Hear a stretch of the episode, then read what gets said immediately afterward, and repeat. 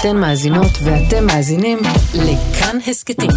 כאן הסכתים, הפודקאסטים של תאגיד השידור הישראלי.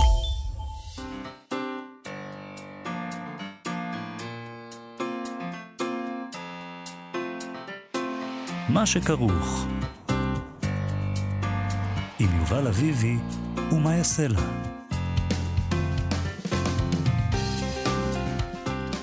שלום, צהריים טובים, שבוע טוב, אנחנו מה שכרוך, מגזין הספרות היומי בכאן תרבות, יובל אביבי, מאיה סלע, 104.9, 105.3 FM, גם ביישומון, גם באתר, גם ביישומוני ההסכתים השונים, בכל מקום אנחנו שם, ואיתנו באולפן המפיקה שלנו, תמר בנימין, על הביצוע הטכני, חן עוז, שלום לשתכן. שלום, מאיה סלע. שלום, יובל אביבי. אנחנו נדבר היום על הסופר יגאל מוסינזון, שעומד במרכז סרט חדש, שמציג את דמותו, והוא היה איש אה, מעניין למדי, מפתיע גם. אה, הרפתקן, פנטזיונר, סופר כמובן, קצת סוכן מוסד, הוא היה דובר המשטרה, או, אולי הוא היה פועל בניין, אבל כנראה שלא. אה, אולי הוא היה חבר של מרלין מונרו, אם הוא לא המציא את כל העסק הזה. אולי היה לו רומן איתה ואולי לא. אני בוחר להאמין. איי איי איי, איזה תמים אתה. טוב, זה לא עניין של תמימות, זה עניין של מה סיפור יותר טוב. לא, הוא סיפר סיפורים נהדרים. וואו. וכן, למה לא ללכת לא איתו? וכשהמציאות לא הספיקה, נכון? הוא הוסיף. זה יפה, האמת שזה יפה. הוא איש... אה, הוא מדליק לגמרי, ואני מאוד נהניתי מהסרט הזה, ואנחנו נדבר היום אה, עם הבמאי, אבי וייסבליי, שהוא אה, עשה את הסרט שנקרא סוד מוחלט בהחלט. הסרט הזה מוקרן עכשיו בבחורה בפסטיבל דוק אבי, בהמשך הוא ישודר בהוד שמונה. אז נ- נשמע ממנו קצת. אה, למה, למה, למה הוא בחר מ- לעשות מעניין סרט על יגאל מוסינזון? מה נשאר על רצפת חדר העריכה? מה הוא אמר לעצמו? אוקיי, אוקיי, אוקיי, זה יותר מדי. לא נשמע לי ש... לא. אני, אני אגיד לך, מה שמצא חן בעיניי בסרט הזה, זה שזה לא איזה סרט חנופה, לא. אה, ואו בוא, בוא נרים ליגאל מוסינזון, זה לא איזה סרט ממלכתי מהסוג הזה, כאילו אפילו הבת של יגאל מוסינזון, רנן מוסינזון, שמופיעה בסרט, או, או הבן הגדול, אביטל, הם, הם, הם אומרים את האמת, זאת אומרת, הם... כן, גם, גם שלא לדבר על שאר חברי המשפחה, שיש להם נכון. טענות מטענות שונות. נכון. אה, טוב, אז עוד מעט נדבר על זה, נדבר גם עם יונתן דורון שלנו, בפינה עובר המסך, על סופרים וסופרות שלא מרוצים מהעיבוד שנעשה לספר אה, שלהם על המסך, ומבטאים גם את חוסר שביעות, או ביטאו את חוסר שביעות הרצון שלהם בקול רם. כן. ואנחנו אוהבים אנשים שמבטאים בקול רם את מה שהם חושבים. מרגישים שהם קולגות. נכון, חמוצים. בדיוק, חמוצים. אה, לפני כן, אה, קצת חדשות מהעולם. אה, קודם כל, הספר, צער ואושר, של מג מייסון, שתורגם לעברית בידי טל ארצי ויצא בהוצאת תכלת, הוא ספר הפרוזה של השנה בפרס הספר הבריטי לשנת 2022. מזל טוב. כן. אה, לזוכים, לזוכה. והוא קיים כמובן אה, בעברית, וגם שמעתי המון אנשים שקראו אותו פה, שמאוד אהב- אהבו אותו. כן. צער אה, ואושר. נכון, השופטים אמרו עליו שהוא מדהים. זה נכון נחמד שאמרו עליו שהוא מדהים. Amazing. ושזה ספר שתרצו לחלק לכולם, ובאותה תחרות, אה, תח... לא תחרות, זה פרס, סליחה, לא תחרות. באותו... למה לא תחרות? כאילו, מה, זה ילדים כאלה? ואתה כן. אומר, לא, זה לא תחרות, זה כולם לא- טובים. בעצם אולי פרס זה כן תחרות. סוג של תחרות, סוג כן. של- אז באותה תחרות זכה בית ההוצאה סיימון ושוסטר כמו"ל השנה, אה, זה בקטגוריה אחרת, כן? בזכות מכירות שיא, בין השאר של ממוארים של סלבריטאים כן, וכוכבי טיקטוק. איזה מין דבר טיפשי זה? אתה לוקח את בית ההוצאה הכי גדול, סיימון שוסטר, שיש להם הכי הרבה כסף, ויש להם יח"צ, ושיווק, וכל הדבר הזה, ואז אתה נותן להם פרס על מכירות שיא. ו- וואו. ועל מה? לך תיתן לקטנים שמכרו פרס. ועל מכירות? שיא של ממואר של כוכב טיק- כוכבת טיקטוק. שטויות, בסדר. טוב. אה, בנושא אחר, אם כי אולי לא בלתי קשור לענייני סלברית, סלבריטאות וכוכבנות טיקטוק, העיתון טיים מפרסם את רשימת האנשים הכי משפיעים לשנת 2022, זה כבר מסורת שם. אה, אנחנו אנשים שאוהבים מסורת וגם רשימות מהסוג מאוד. הזה. אז יש שם כל מיני אנשים כמו זוהי קרביץ וזנדאיה ושרה ג'סיקה פארקר וטים קוק מאפל ואופרה ווינפרי וגם סלי רוני, שהיא הסופרת היחידה ברשימה הזאת. אה, גם בשנת 2020 הייתה רק סופרת אחת ברשימה הזאת, שזאת מחברת רב המכר ילדים של דם ועצם, טומי אדיימי. זה, זה היה, כן, ב-2020. זה ב-2020. יש עוד סופרת ברשימה, כביכול, לכאורה, של 2020, כן. אה, ש... אבל היא הייתה בתת הקטגוריה של הפילנטרופים, אה, שזאת מקנזי סקוט. מהמם. אשתו של ג'ף בזוס, שאני לא מבינה באיזה אופן היא יכולה להיחשב לסופרת. נכון שהיא הוציאה שני ספרים, והיא גם כאילו, אמזון ש- ש- שלה, חצי שלה. גם שרה ג'סיקה פארקר יכולה להיחשב כ- כסופרת. נכון, היא גם כתבה, הם כולם כת- כתבו פעם איזה ספר. מי לא כתב ספר? וגם אם לא כתבו, אז יכתבו, זנדאיה. מה, לא מעניין אותנו מה יש לה להגיד? וואי. אה, בת כמה היא? היא בת 20 זנדאיה? בת וקצת? 20 ומשהו, כן. אז מה, עוד איזה שלוש שנים זו. אוטוביוגרפיה. נכון. אז אה, טוב, גם ב-2019 היה רק סופר אחד ברשימה הזו, מרלון ג'ונס. סופר אחד ברשימה. אז נשאלת השאלה אם ככה, בעולם שבו לסופרים ולספרות יש כל כך מעט השפעה, וכמעט באופן מובהק, הם אומרים, אתם לא משפיעים ברשימות האלה, מה גורם לבחור דווקא בסלי רוני? ובכן, ככה כתבה על סלי רוני, ב... לכל, על כל אחד מהמאה משפיעים מישהו כותב עליהם, וגם האנשים שכותבים על המשפיעים הם די משפיעים בעצמם, זה נורא יפה. אז מי ש... משפיעים, אתה, אתה אומר משפיעים כי אתה השתכנעת מהרשימות האלה שמדובר במשפיעים. אבל בעצם מדובר משפיענים? באנשים שהם אה, כוכבים, שהם ידועים, שהם סלבריטיז. ומה לעשות וזה, ש- זאת הקטגור... זה, זה הקטגוריה היחידה פה. כאילו, הפרצוף שלך מוכר, אה, אז, אז אתה בפנים. זהו. למה? אז, אז דווקא סלי, נגיד, מה, סלי רוני יותר מוכרת מפרנזן או מסופרים נכון. אחרים? אני לא יודע. אני לא יודעת, יכול להיות שהיא יותר מוכרת, אבל היא לא יותר משפיעה לפי דעתי. אני לא אני יודע. בטוחה. למרבה המזל לא אותנו שאלו, שאלו את לנה דנהאם, יוצרת הטלוויזיה והתסריטאית, וגם סופרת בעצמה, נכון? סופרת גדולה, כן. היא כתבה ספרים. אחת הסופרות. היא כתבה ספרים. אוקיי. אז היא כתבה על סלי רוני בטיים, אה, לכבוד הרשימה הזאת, וככה היא כתבה. פעמים ספורות, אה, אה, ספורות בדור ניתן למצוא כותבת שעוסקת באמיתות בסיסיות, בפרוזה מיומנת שכזו, עד שהיא נעשית ציון דרך לכל צרכינו וחששותינו, לכל שאלותינו נטולות המענה וחלומותינו. וואו, הלוואי שמישהו פעם יגיד עליי את הדברים, לא, הלוואי שאף פעם לא יגידו עליי את הדברים האלה. הדבר אה, הראשון שאמרת, זה האמת. זה- נכון. זה הפנטזיה האמיתית שלך. אבל אז שיגידו. עליך את הדברים האלה. שמישהו יגיד עליי את זה. אני אוקיי. רוצה להיות המענה לכל שאלותינו הנטולות המענה. זה מה שאני רוצה להיות. אה, והיא ממשיכה, היא כותבת, כשהיא פרסמה את שיחות עם חברים, סלי רוני נעשתה האדם הזה, כלומר הכותבת הזאת, והרומן השני שלה, אנשים נורמליים, קיבע את תפקידה כחוקרת מינימליסטית של הרומנטיקה בת זמננו. זה היה כאב גדול לתרגם את הטקסט הזה, אני רוצה להגיד. היא נדירה בשוק, ה- בעולם הספרות, כן? גם בכך שיש לה חפצי שיווק נחשקים, מרצ'נדייז. חפצי שיווק? תרגום יפה. אבל אני יפה, תמיד אני מתלבט, אוהבת. איך, חפצי שיווק זה טוב? אני אוהבת חפצי שיווק, זה זה מאוד יפה. יש. ממש מוצא חן אה. לאקדמיה, אנה, חפצי שיווק, כל כך מדויק. אה, אז היא כותבת שהיא נדירה בשוק הספרות גם בגלל זה, כי, והיא מעידה, אני עצמי הבעלים הגאים של כובע הטמבל של סלי רוני. שלא קוראים לו כובע טמבל באנגלית, זה קוראים לו bucket head או משהו כזה? לא, אני כובע, לא יודעת, כן? bucket head? משהו זה כזה, nice. כי הוא נראה כמו דלי. אוקיי. אבל לא, זה מין כובע טמבל מה שכזה, היא עוד אומרת? שהספרים שלה אופנתיים. יפה מאוד. כל הכבוד, באמת, זה אחד הדברים. טוב, היא ממשיכה וכותבת שכל הדברים האלה לא פוגמים במידת מיומנותה, כי היא יודעת שאנחנו נצחק על זה, אז היא, אז היא מסבירה לנו עכשיו שזה לא פוגם במידת מי- מיומנותה ככותבת, או בחריפות הביקורת שהיא מעבירה. זה דבר לא נוח להיות מוכרזת כמשיכה דורית. דבר שיש לי עליו ידע מסוים בעצמי, אומרת לינה דנהאם, גם- היא- היא- כי זה- גם היא הכריזה על עצמה בעצם, אבל uh, סלי רוני הוכיחה חסינות ללחץ, Beautiful World, Where are you, זה הספר האחרון שלה, שהוא לא יתורגם לעברית כי היא לא מרשה לנו, מתחבט בשאלות פילוסופיות על הצלחה, חוסר החיבור של עידן האינטרנט והמורכבות של uh, חברות בוגרת. היא לא תהיה רק הסופרת הצעירה הלוהטת של השנה, אלא תתקבל לתמיד, לא רק בקרב צעירים, אלא כמבקרת של המצפון, ו...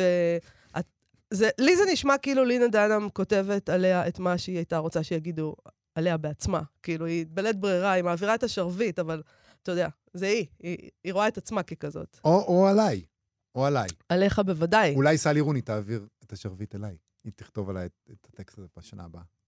שאני משיכה דורית. אולי תכתוב ספר, יובל, ותעזוב אותנו, תן לנו את ה- את ה- את האופציה ל- אין לי לכתוב את עליך משהו. הכישורים הבסיסיים למעשה כזה. אני, בניגוד ללינה דנהאם, אין לי את הכישורים. Uh, באתר ליטא מזכירים לנו שברשימה השנה יש גם משוררת. זאת אומרת, הם דיברו על הסופרת היחידה, ויש גם משוררת, אליזבת אלכסנדר, ומוזיקאית שכתבה ממואר, מישל זאונר. אז מה, יש לנו על מה להתלונן כל כך הרבה? יש שם שלוש מתוך מאה, 30 הבט, אחוז. הבט, הבט. אני, אני בכלל לא מתלוננת. לא 30, אה, שלושה. אתה זה שמתלונן, אז, אז אל תגיד ברבים מה יש לנו להתלונן, אני לא מתלוננת.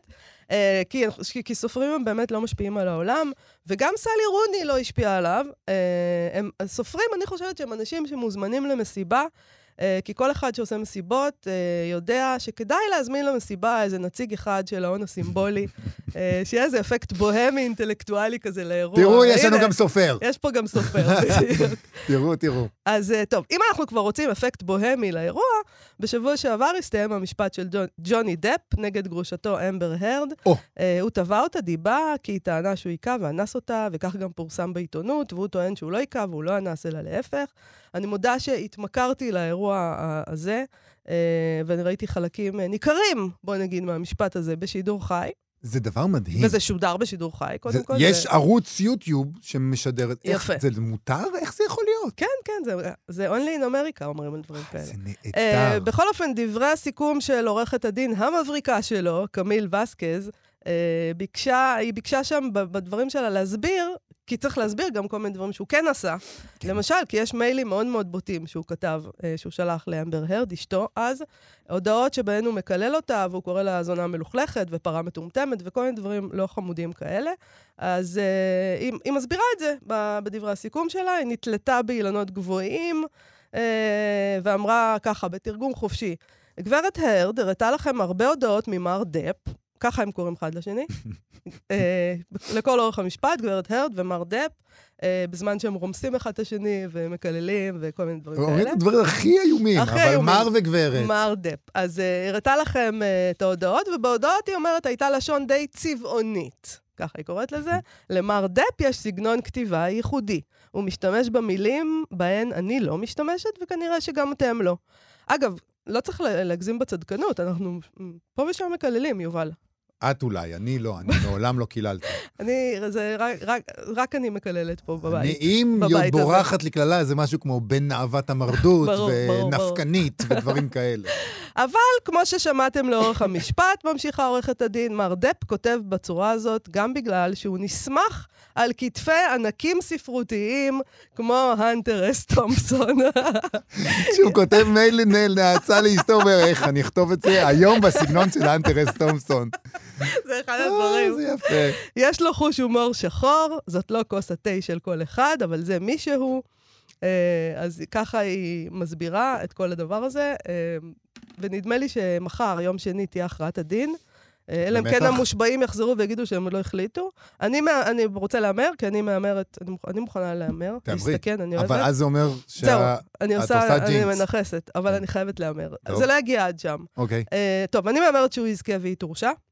אה, אני חושבת שזאת הייתה הצגה מדהימה, דרמת בית משפט משובחת, שבה ג'וני דפ נכנס כשהציבור חושב עליו שהוא איש נורא ואיום, אה, ומול העיניים כל הדבר הזה מתהפך, והגברת הזאת הופכת למכשפה של אמריקה, והוא אה, מסתבר כבחור מתוק למדי, הכל לפי ההצגה הזאת, כי זאת הצגה בבית משפט, אה, וזה היה די מדהים לראות את זה, וגם, וגם זה היה בזה איזה מין תחושה כזאת של הלוויה כזאת ל nineties.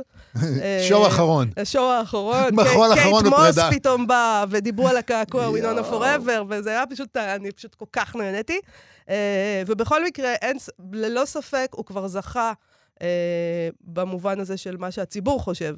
גם אם המושבעים... אה, בטיק טוק ובאינסטגרם ובכל המקומות האלה, הוא ניצח... הוא המלך? Flying colors. אז אה, אני חושבת שבכל מקרה מדובר כאן בנזק מאוד מאוד מאוד גדול לתנועת המיטו, ולרעיון הזה של אני מאמינה לך אוטומטית בלי לבדוק. כי כן. מעכשיו, אבל במקומות ליברליים כבר כותבים. אה, במקומות ליברליים כמו הניו יורקר ואתר הארץ. אה, עיתון הארץ, סליחה, אני לא יודע. אני קראתי את זה באתר, וגם באתר של הניו יורקר, כבר כותבים לנו כתבות על איך אסור לפגוע ברעיון של אז אני אה, מאמינה הם לך. כותבים את הכתבות, רק בגלל- נכון. אז הם, אני לא קראתי את הכתבה בהארץ, כי אני לא קוראת שם אה, הבלים מהסוג הזה. אה, אני מאוד מקפידה לקרוא שם רק, ממש, אני בוחרת בפינצטה, אבל אה, אני חושבת שהם כותבים את הדברים האלה בגלל ההבנה שזו שזה כן. פגיעה מאוד מאוד חמורה בדבר הזה. אנ- אנשים מהסוג הזה שעושים דברים כמו שהיא עשתה, לכאורה, יובל, אה, פוגעים ברעיון הזה של אני מאמינה לך. אגב, כן. שאני גם, זאת אומרת, אתה יודע, ברגע שזה פורסם והיה כותרות לפני אגב- כמה שנים, שהוא היכה אותה, אמרתי, וואו, אשכרה, יודעת- ג'וני דפ, אתה מרביץ לאשתך, ופתאום כשזה, כשאתה רואה איך זה מתפרק בבית משפט, הדבר הזה, אתה אומר לעצמך, רגע, רגע, רגע. אי אפשר ככה להאמין פשוט יותר לכל אחד שמספר סיפור. הוא, אבל כל העניין הזה גם הוא טקסט באמת ספרותי. זה לא נעים לדבר על זה ככה, כי זה חיים של אנשים. נכון שהם מפורסמים ועשירים, אבל זה חיים של אנשים. אה, לא, זה נעים לי מאוד לדבר על זה. זה מה זה טקסט- זה חיים של אנשים? זה טקסט. ספרותי. זה טקסט ספרותי. זה טקסט מדהים, היו שם טקסטים מדהימים. אה, יום אחד צריך לנתח את זה ספרותית. אבל זה גם, אה, יש כאן אה, סיפור של אה, כריזמה. זאת אומרת, מה נכון. כריזמה יכולה לעשות? אתה רואה כריזמטי. כמה האיש הזה כריזמטי, וכמה היא לא כריזמטית, וגם יש פה איזה משהו שגם... הוא גם שחקן יותר טוב. הוא שחקן מעולה והיא שחקנית גרועה, ואתה רואה שזה הסיפור פה בעצם. זאת אומרת, יכול להיות שכל מה שאני אומרת, אני מאמינה לו עכשיו, ואני מבינה שהיא שקרנית. אולי זה לא נכון, תחשוב, והיא פשוט אדם לא כריזמטי, ואין לה שום סיכוי. נכון. פשוט. הוא אגב, מחץ אותה להגיד- שם. תגיד, צריך להגיד שהם אה, תבעו אחד את השני, כן? לא, ו- אה, הוא תבע אותה, ואז היא אותו? תבעה אותו בחזרה. הוא תבע אותה, עכשיו הוא דורש ממנה 50 מיליון דולר, היא והיא רצתה 100. ממנו 100 מיליון. בסדר. מה אתה אומר? אתה רוצה להמר, או שאתה, שוב אתה רוצה להיות זהיר? Hmm, Mm, hmm. אה, הלב הולך לכיוון, זה לא נעים לי, לא נעים לי, זהו, קדימה, זה- זה יובל. שורף אותי, זה שורף אותי, כן. אני, הלב שלי הולך לג'וני, אני מצטער.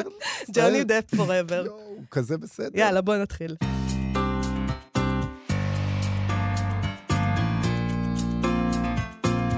אנחנו זוכרים את הסופר יגאל מוסינזון בזכות חסמבה, אולי גם בזכות קזבלן. אה, בשעתו היו גם עניינים שהסעירו את נפש היישוב הישראלי הקטן, נגיד רומן שהיה או לא היה עם מרלין מונרו, או ניסיון מפוקפק ללכוד פושע נאצי, והיו גם ההמצאות שלו, הוא המציא, אה, היה לו המצאה להפקת אנרגיה מגלי הים, אה, ועוד שלל הרפתקאות אה, של אנשים שפעם... אה, היו להם הרפתקאות אה, באיזה דורות קודמים, איזה לפני שאנחנו משעמם נהיינו... היה אם לא היה את האנשים האלה. אה, משעמם היום פשוט. יותר אין אותם משעמם. יותר, ובאמת משעמם. כשיש אותם, מבטלים אותם. אה, ש- או עושים זהו. עליהם סרטים ומעניינים אותנו. הסופר והמחזאי יגאל מוסינזון עומד במרכז סרט חדש, סוד מוחלט בהחלט, שמוצג בימים אלה בבכורה בפסטיבל דוק אביב, ויוצג בהמשך בעוד שמונה. אה, הסרט הזה מגלה לנו עד כמה מוסינזון אה, רצה לחיות חיים הרפתקניים, כמו הגיבורים שלו לפעמים, ואיך הוא טיבל את הסיפורים על החיים שלו. כשהמציאות לא הספיקה אולי, אה, אז הוא- הוסיף, הוא ידע לספר סיפור, ולצד זה עד כמה הוא היה מסור לערכים שלו, שהקדימו את זמנם, למשל הזעם על אי השוויון העדתי בישראל, ואיתנו כדי לדבר על האיש הזה ועל הסרט, במאי הסרט, אבי וייסבלאי, שכל סרטיו, הם, הם, כל הסרטים שהוא עשה עד היום הם מין מחקרים כאלה אה, על הישראליות. למשל, הוא עשה את סוסיתא על המכונית הישראלית ההיא, זוכר? סוסיתא. אה, ואת הרצח על רצח אה, ארלוזורוב. שלום, אבי וייסבלאי. שלום לכם, צהריים טובים, מה שלום. שלומכם? צהריים טובים, תודה רבה. אמ, אז למה, ב, ב, אם אני מגדירה את זה נכון, שיש לך איזה מין עניין מיוחד במחקר של הישראליות, והנה הבא בתור הוא יגאל מוסינזון, למה החלטת דווקא עליו לעשות סרט?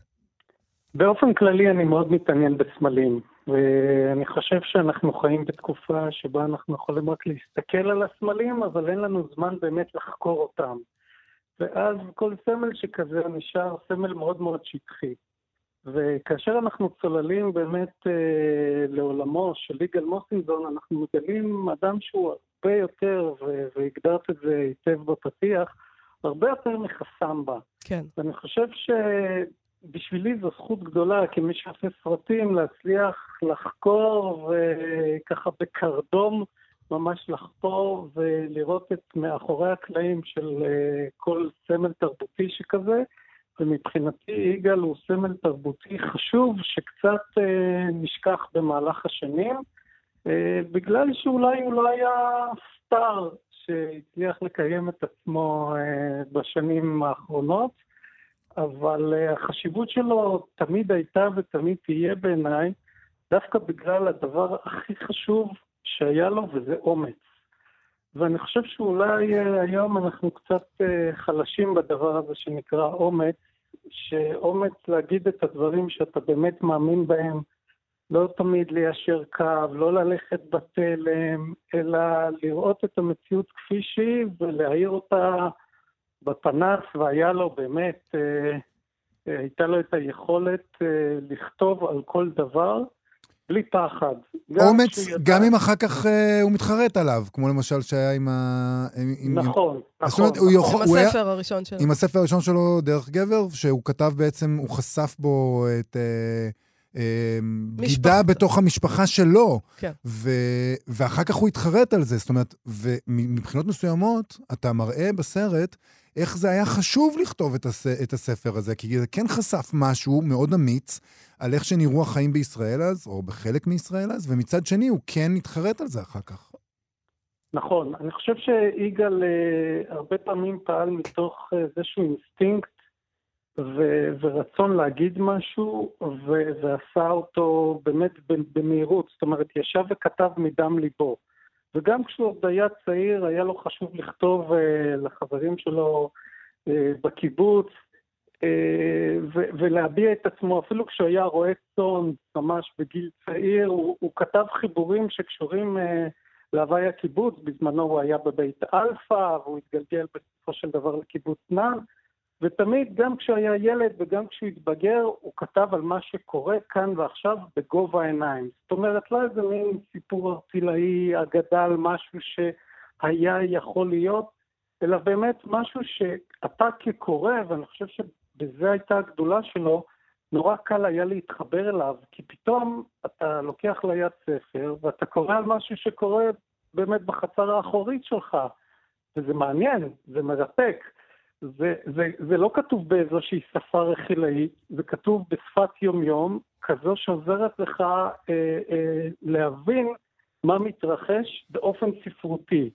והוא בעצם פרץ את הדרך מהבחינה הזו, אה, כי הוא אפשר לאנשים גם אה, לקרוא ספרות שהיא לא תהיה ספרות גבוהה או ספרות מרוחקת, או על אה, סיפורים שקרו במדינות אחרות, אלא על משהו שקורה כאן ועכשיו בקיבוץ, ומצד שני גם אפשר לקוראים לחשוב, שזה בעיניי פעולה נפלאה ומופלאה, כי זה לא רק אה, לקרוא משהו ולהשליך את הספר ו- ו- ולשכוח מזה, אלא זה, זה כמו מין הנאה לפעולה. זאת אומרת שאם יש אה, אה, חיים בקיבוץ שהם חיים אה, ש, שהם בעייתיים, בואו ננסה לשפר אותם, בואו נסתכל, אם יש עוולות חברתיות, אז אנחנו יכולים לתקן אותם. זאת אומרת, היה בו את הדבר הכי בסיסי שנקרא אכפתיות. היה לו אכפת ממה שקורה, וברגע שאכפת לך, יש לך את הכוח לשנות, לאסוף סביבך קבוצה, אה, להניע פעולות. ויגאל אולי לא היה אה, מנהיג חברתי, למרות שזה גם מוזכר בסרט, בערוב ימיו הוא ניסה אה, להיות פעיל במפלגת הגמלאים, אז, אז, אז אולי הוא לא היה פעיל חברתי מהבחינה הזו של פעיל חברתי קלאסי, אבל הוא היה ממש סופר קלאסי שמביע את החברה. אני שזה- רוצה לשאול אותך, אבי, אה, מה, מה הפתיע אותך כשעשית את הסרט הזה? כלומר, באת בטח עם כמה הנחות ועם כמה מחשבות עליו, ממה הופתעת? אני חייב להגיד לכם שאני אני באמת, כשהתחלתי את הסרט חשבתי שאני אגלה באמת את, את הפולקלור של חסמבה, כמו שכולנו מכירים, אהוד השמן, ירון, ירון לונדון וכן כן. הלאה וכן הלאה. הסופר הנחמד שכתב על ילדים. ואז ככל שחפרתי וקראתי ו- ונכנסתי באמת אה, לעובי הקורה, ונסעתי בעקבות חייו לתחנות השונות אה, בקיבוצים ובעיר, גיליתי עד כמה האיש הזה לא נח לרגע. הוא כל הזמן אה, עשה, הוא כל הזמן ניסה, הוא, הוא הקים תיאטרון, כשנמאס לו מהתיאטרון הממסדי, הוא אמר, טוב, אם התיאטרון הממסדי לא רוצה להעלות מחזות שלי, אז אני אכתוב מחזות משלי ואתן צ'אנס למחזאים אחרים ונעלה אותם בתיאטרון שאני אקים. זאת אומרת, הוא כל הזמן לא פחד לעשות דברים, גם אם היה בהם סיכון. והיה בהם סיכון הרבה מאוד פעמים. והוא גם נכשל הרבה פעמים. נכון. והפסיד כספים, ואולי גם אה, צחקו עליו, אתה יודע, וכל מיני מי דברים שלא כאלה. מנסה לא טועה. כן, זה נכון. כמאמר הפתגם. אז, אז, אז אני חושב שדווקא באמת ביכולת שלו לא ללכת על בטוח, אלא באמת אה, לנסות דברים ולהגיד משהו גם בדברים האלה, זאת אומרת, הוא ניסה דברים בעלי משמעות. אה, נכון, הוא גם שילם את המחיר, הוא נאלץ לעזוב את הארץ, וכשהוא עוזב את הארץ, אז, אז הוא לא סתם עוזב את הארץ, הוא מנסה להצליח בארצות הברית. אפרופו הרומן אם מרלין מנרו היה או לא היה, נכון. אז הוא נוסע לארה"ב. אז רגע, רגע, מה אתה חושב, היה או לא היה? מה אתה אומר? יש לנו ויכוח, הם הכירו, הם הכירו בכלל, אתה חושב? זה זה כבר בטוח שהם אני, הכירו? אני, אני, חושב שהם, אני חושב שהם הכירו, אני, אני חושב שהם פגשו זה את זו. מה היה ביניהם? אה, יגאל טוען שזה היה. ב- ב- בכמה הזדמנויות הוא גם סיפר לביתו, רנן, שהיה רומן, סיפר לאחיינית שהיה רומן.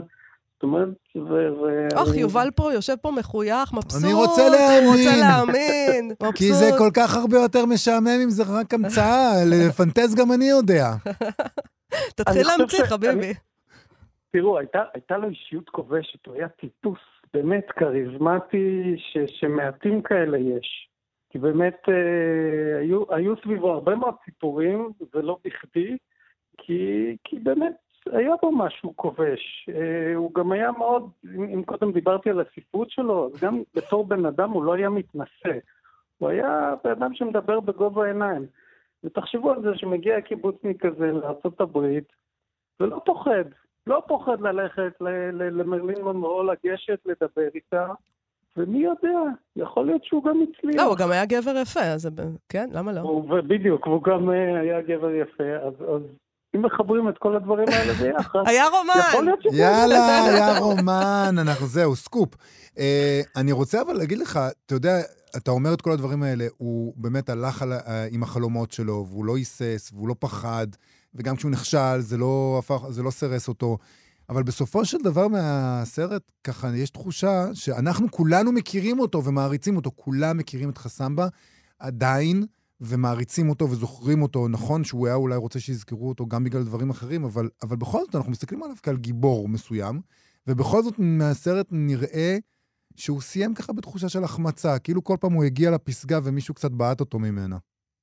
נכון, אה, הוא, הוא רצה להצליח יותר, וזה ברור לחלוטין, כי יש איזושהי חלוקה אה, בין ספרות למבוגרים וספרות לילדים. ולכאורה טוענים שמי שכותב לילדים, אז הוא אולי סופר קצת... אה, זה, זה לא כמו לכתוב למבוגרים, זה לא כמו להצליח בעולמם של מבוגרים.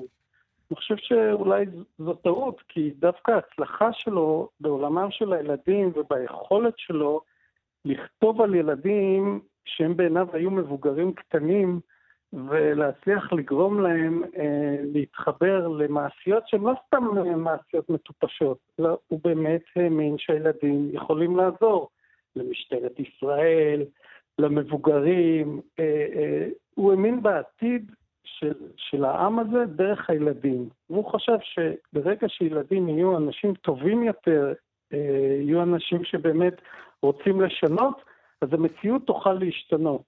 באיזשהו מקום אני חושב שהוא קצת ויתר על, על כל המבוגרים ו- ועל... אה, ואם נזכיר את אה, הסתדרות ומפא"י וכל הדברים שהוא ראה לנגד עיניו, הוא כבר אמר, טוב, אז אני רוצה כבר לכוון לדור הבא.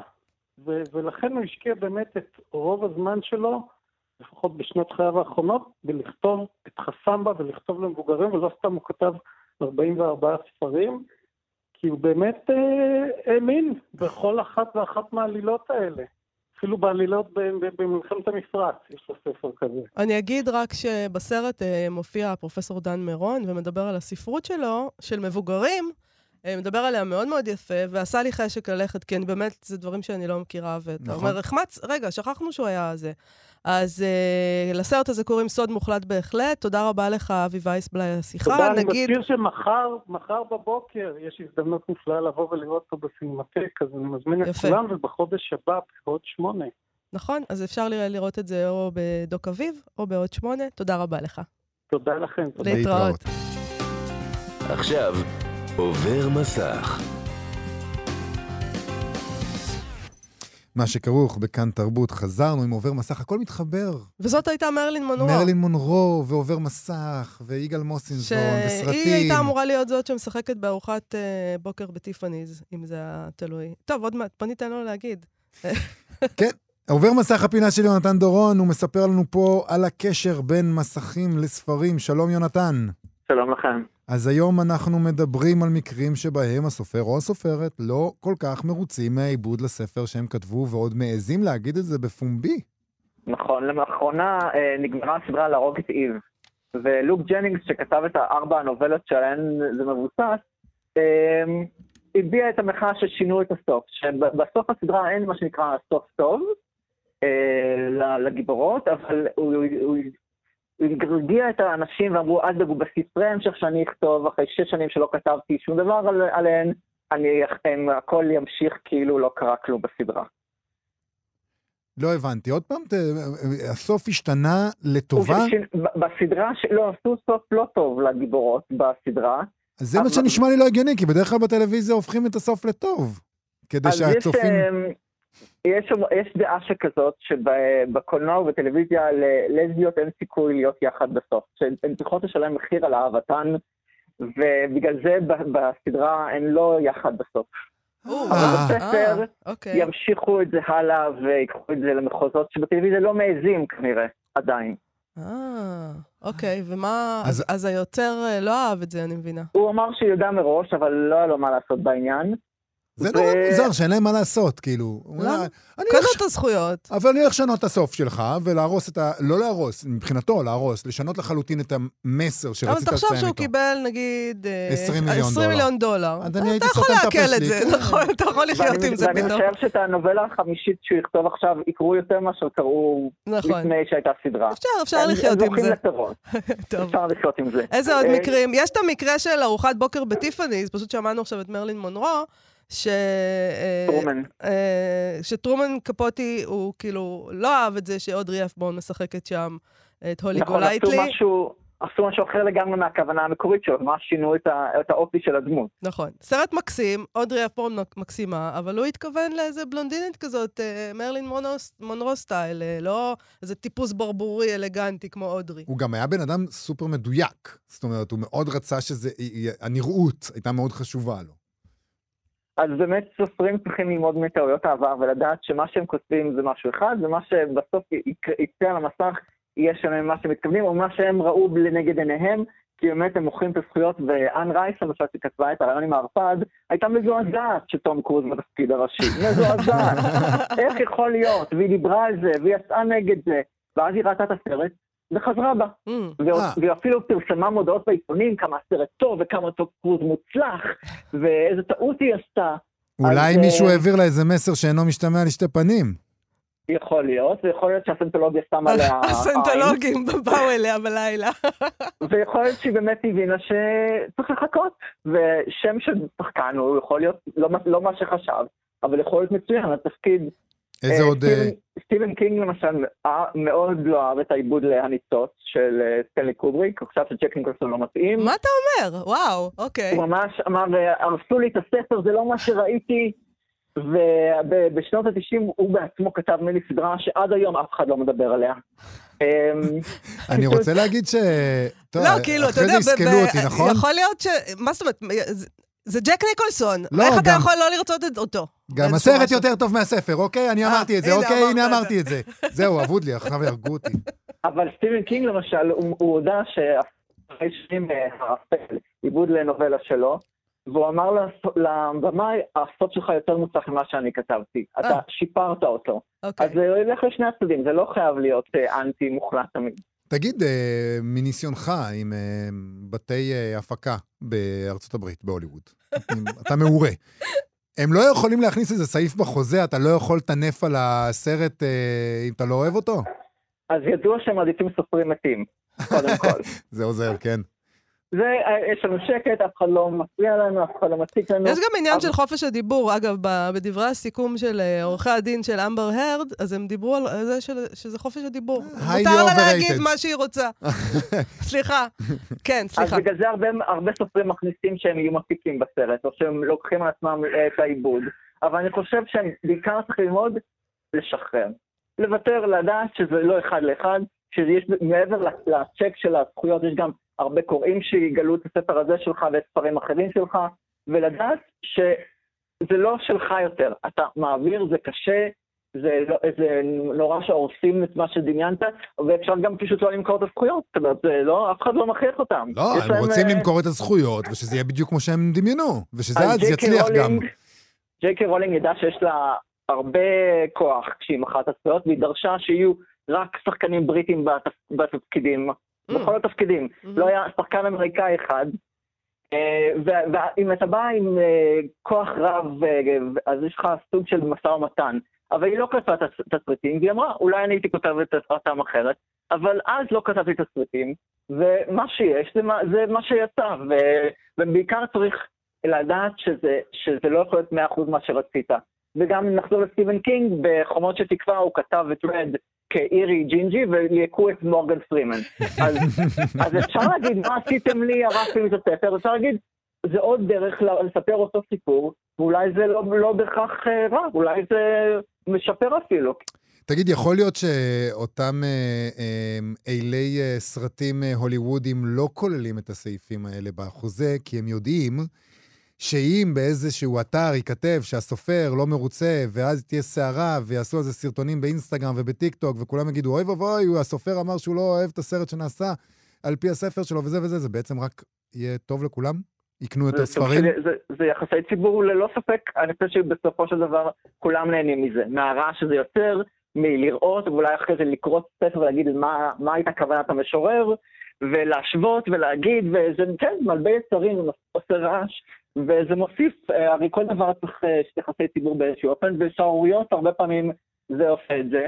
כל עוד זה, זה לא, גם כל הסופרים שיוצאים נגד, הם לא אומרים, אני לא אמכור את הזכויות שלי יותר. זה לא שהם נכווים לכל לא. החיים. אה, אל ת- אל תגזים. הם מתגברים, הם מתגברים. כן, שותים קצת שמפניה, כן, שוכחים קצת בג'קוזי. כן. חוץ מג'יי די סלינג'ר שהיה ידוע בכמה תימהוניות שהיו בו, אז נכון. גם הוא אה, סירב אחרי כישלון אחד של עיבוד, הוא אמר, אני לא מוכר יותר את הזכויות, ועלו אליו לרגל למקום המחבוא שלו שהמשיך לכתוב בו במשך שנים עד מותו, ולא פרסם שום דבר, אבל באמת הוא היוצא דופן שהרוב אומרים, אני מוכן לשלם את המחיר, כי באמת הפ- הפירות הם גדולים מאוד.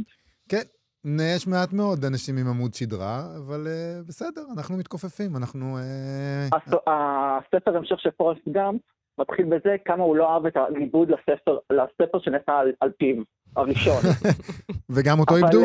אבל הוא לא היה כותב את השני אם אם הסרט לא היה יוצא. נכון. זאת אומרת, אתה לא יכול אה, לריב איתם ולשנות. ומה עוד, בספר הראשון של גאמפ, הוא ממש, אה, סלחו לי, עם מנת משכל נמוכה מאוד ובקושי מתפקד. ובסרט, כדי שיהיה יותר ידידותי, עשו אותו קצת יותר אה, דברן. ואז בסרט, הספר השני, הוא לקח את הדמות מהסרט והמשיך אותה, הוא לא חזר לדמות שהוא כתב במקור. וטינף! אין חוץ... באמת חוצפה שאין כדוגמתה. זה רק מלמד אתכם אה, כמה צריך חוזים טובים מול סופרים. יונתן דורון, תודה רבה על הפינה הזאת. תודה לכם. להתראות.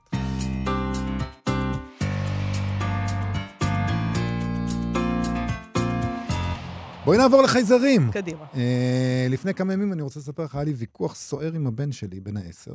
מהמם. זה קודם כל, כבר, היה לי ויכוח, ויכוח, ריב, בואי נגיד ריב. ריב. ריב, אוקיי, בוא ספר, על מה? ריב. אני ניסיתי לשכנע אותו שיש חייזרים, או שלפחות לא יפסול את האפשרות הזאת על הסף, והוא לא הסכים. רגע, אבל לא הבנתי, למה ריב? כלומר, יש אנשים מתווכחים, מחליפים דעות, איך זה הגיע לריב? כי הוא מאוד לא הגיוני, ואי אפשר לדבר איתו, הוא בן עשר. מה זה הוא. בן עשר? לא. הוא לא חייב להסכים איתך, יובל. הוא לא. השלכה שלך. אני יודע. אתם באמת רבתם על זה? לא, אנחנו אוקיי. התווכחנו. בנעימות. בנעימות. התווכחנו בנעימות. ליטפתי אותו והתווכחנו. היה דיון אינטלקטואלי בין שני בני אדם שרמתם האינטלקטואלית די דומה. אוקיי, אז בוא... בן עשר ובן 42. אוקיי, אז- אז בכל זאת ננסה, בוא ננסה בכל זאת לקשר את זה לתוכנית אז הספרות למה? שלנו. למה? כי אוקיי. הגיע ספר, מהמם. ורציתי להגיד לו, הנה הגיע ספר שמוכיח שאני צודק. בערך. אוקיי. מדובר בספר נדיר מ-1698 שהתגלה בבריטניה, במקרה הוא התגלה, באירוע של הערכת עתיקות. את מכירה את הדברים האלה? זה נורא יפה בבריטניה. יש ברור. אנטיק שואו כזה אני מכירה שהולכים... את התוכניות הטלוויזיה האלה, כן. פעם הייתי מכורה לזה. זה מדהים. כן. אנשים מביאים חפצים שיש להם בבית ומבקשים להעריך את שוויים, ויש מומחים שאומרים להם, אה, יו, זה כן, זה ויקטוריאני, זה שווה 20 אלף פאונד וכאלה. ואז אחד החפצים אה, אה, שהביאו להם היה ספר שנקרא גילוי העולם השמימי, או השערות בדבר חיים וצמחים בכוכבי לכת. והמחבר, כריסטיאן הויגנס, תוהה, תוהה בו מדוע אלוהים יצר כוכבי לכת אחרים? האם זה רק כדי שאנחנו נוכל להסתכל עליהם מכדור הארץ? והוא מסיק שכנראה שלא, ברור שלא, ויש, ולכן יש חיים מחוץ לכדור הארץ, וכל זה נשמע לי מאוד סביר. טוב, בספר הזה הוא גם מכריע שלחייזרים יש ידיים ורגליים, יובל, כמו לבני אדם, כי זה לדעתו הפתרון הכי נוח פשוט. הוא כותב מה אפשר להמציא או לדמיין שיכול להתאים בדיוק כזה לצרכים כמו ידיים. זאת אומרת, אלוהים המציא את הידיים כבר, אז, אז זהו, אז זהו זה, זה הפתרון. זה בול! אה, שניתן להם חדק של פיל? לא. ידיים יותר טוב! אה, אם כי, אתה יודע, אלוהים גם אה, ברא את החדק של הפיל, בכל אופן. בוא, גם את זה הוא ברא. אה, זה באמת חשיבה רציונלית מאוד, כך תשכנע את בנך, בהחלט. שזה בערך כמו החשיבה שלך. אני מבינה למה הבאת את הספר הזה לשולחן. ההסבר לקיומן של רגליים הוא שהאופציה היחידה האחרת היא תעופה. זה ההסבר שלו, כן. זה באמת, אדם עם המון דמיון, אין מה להגיד. תראי, לא פחות מעניין מההוכחה המוחלטת שהספר מביא לקיומם של חייזרים, וזאת הוכחה מוחלטת בעיניי, מוחלטת, זהו. מהמם. הוא העובדה שהוא שווה משהו כמו 3,000 לירות סטרלינג, זה נחמד. המומחה באירוע ההערכה הזה, ג'ים ספנסר, אמר שמרתק לחשוב מי דפדף בספר ב-1698, ומה הם בוודאי חשו מול התיאורים על חיים במאדים. הוא גם אמר, יובל, לפי ה-BBC, שהטקסט בספר הזה הוא כמעט קומי. אם כי תואם לידע המדעי של זמנו, אה, וגם אה, לידע המדעי של זמנך. אה, אחת המסקנות של הספר הזה היא שהחיות הכי גדולות שהיו ידועות בזמן הכתיבה הן הכי גדולות אי פעם, ושלא יכולות להיות חיות גדולות יותר, ואחר כך הם גילו את הדינוזאורים. עוד לא גילו את הדינוזאורים אז. אז החיות הכי גדולות היו החיות הכי גדולות שגילו אותן. זה גם כן, זו חשיבה סופר רציונלית, איך את לא רואה את זה? אני לא יודעת, בריב בינך? לבין הבן שלך, אני אה, בצד. אני בצד שלו, אני כן. מצטערת. הוא טים ג'וני, כאילו, ואני פה אמבר הרד. אתה אמברד לגמרי. מצד שני, אה, בכתבה הזאת גם אומרים, לכו תדעו איך יראו התפיסות שלנו בעניינים כאלה, לאנשים שיחיו בעוד 324 שנים. זאת אומרת, מה שאנחנו חושבים היום על מאדים וזה, יכול להיות... יהיה בכלל איך נשמע? זאת אומרת, עוד 324 שנים, יאללה, אנשים ההקלטות של ישמעו את ההקלטות. שלנו, ישמעו את זה ופשוט יתפקעו. איזה אידיוטים הם היו. דיברו על... לא ידעו. שיש חייזרים. לא ידעתם ש... מה, הם חיו בלי מסע בין כוכבים? איזה... פרימיטיביות שאי אפשר לתאר אותה. ממש. תקועים. בלי מסע בזמן אתם חייתם? איך ביליתם את האחר צהריים שלכם? בלי איזה קפיצה ל-1933. קפיצה קטנה אה, לחו"ל. אה, טוב, זה זמננו לסיים, יובל, עם הרעיונות החייזרים האלה. אה, תודה רבה לתמר בנימין, המפיקה שלנו, ולחן עוז, שעל הביצוע הטכני. בואו לבקר בעמוד הפייסבוק שלנו ושל כאן תרבות, אנחנו נבוא שוב מחר. להתראות. ביי.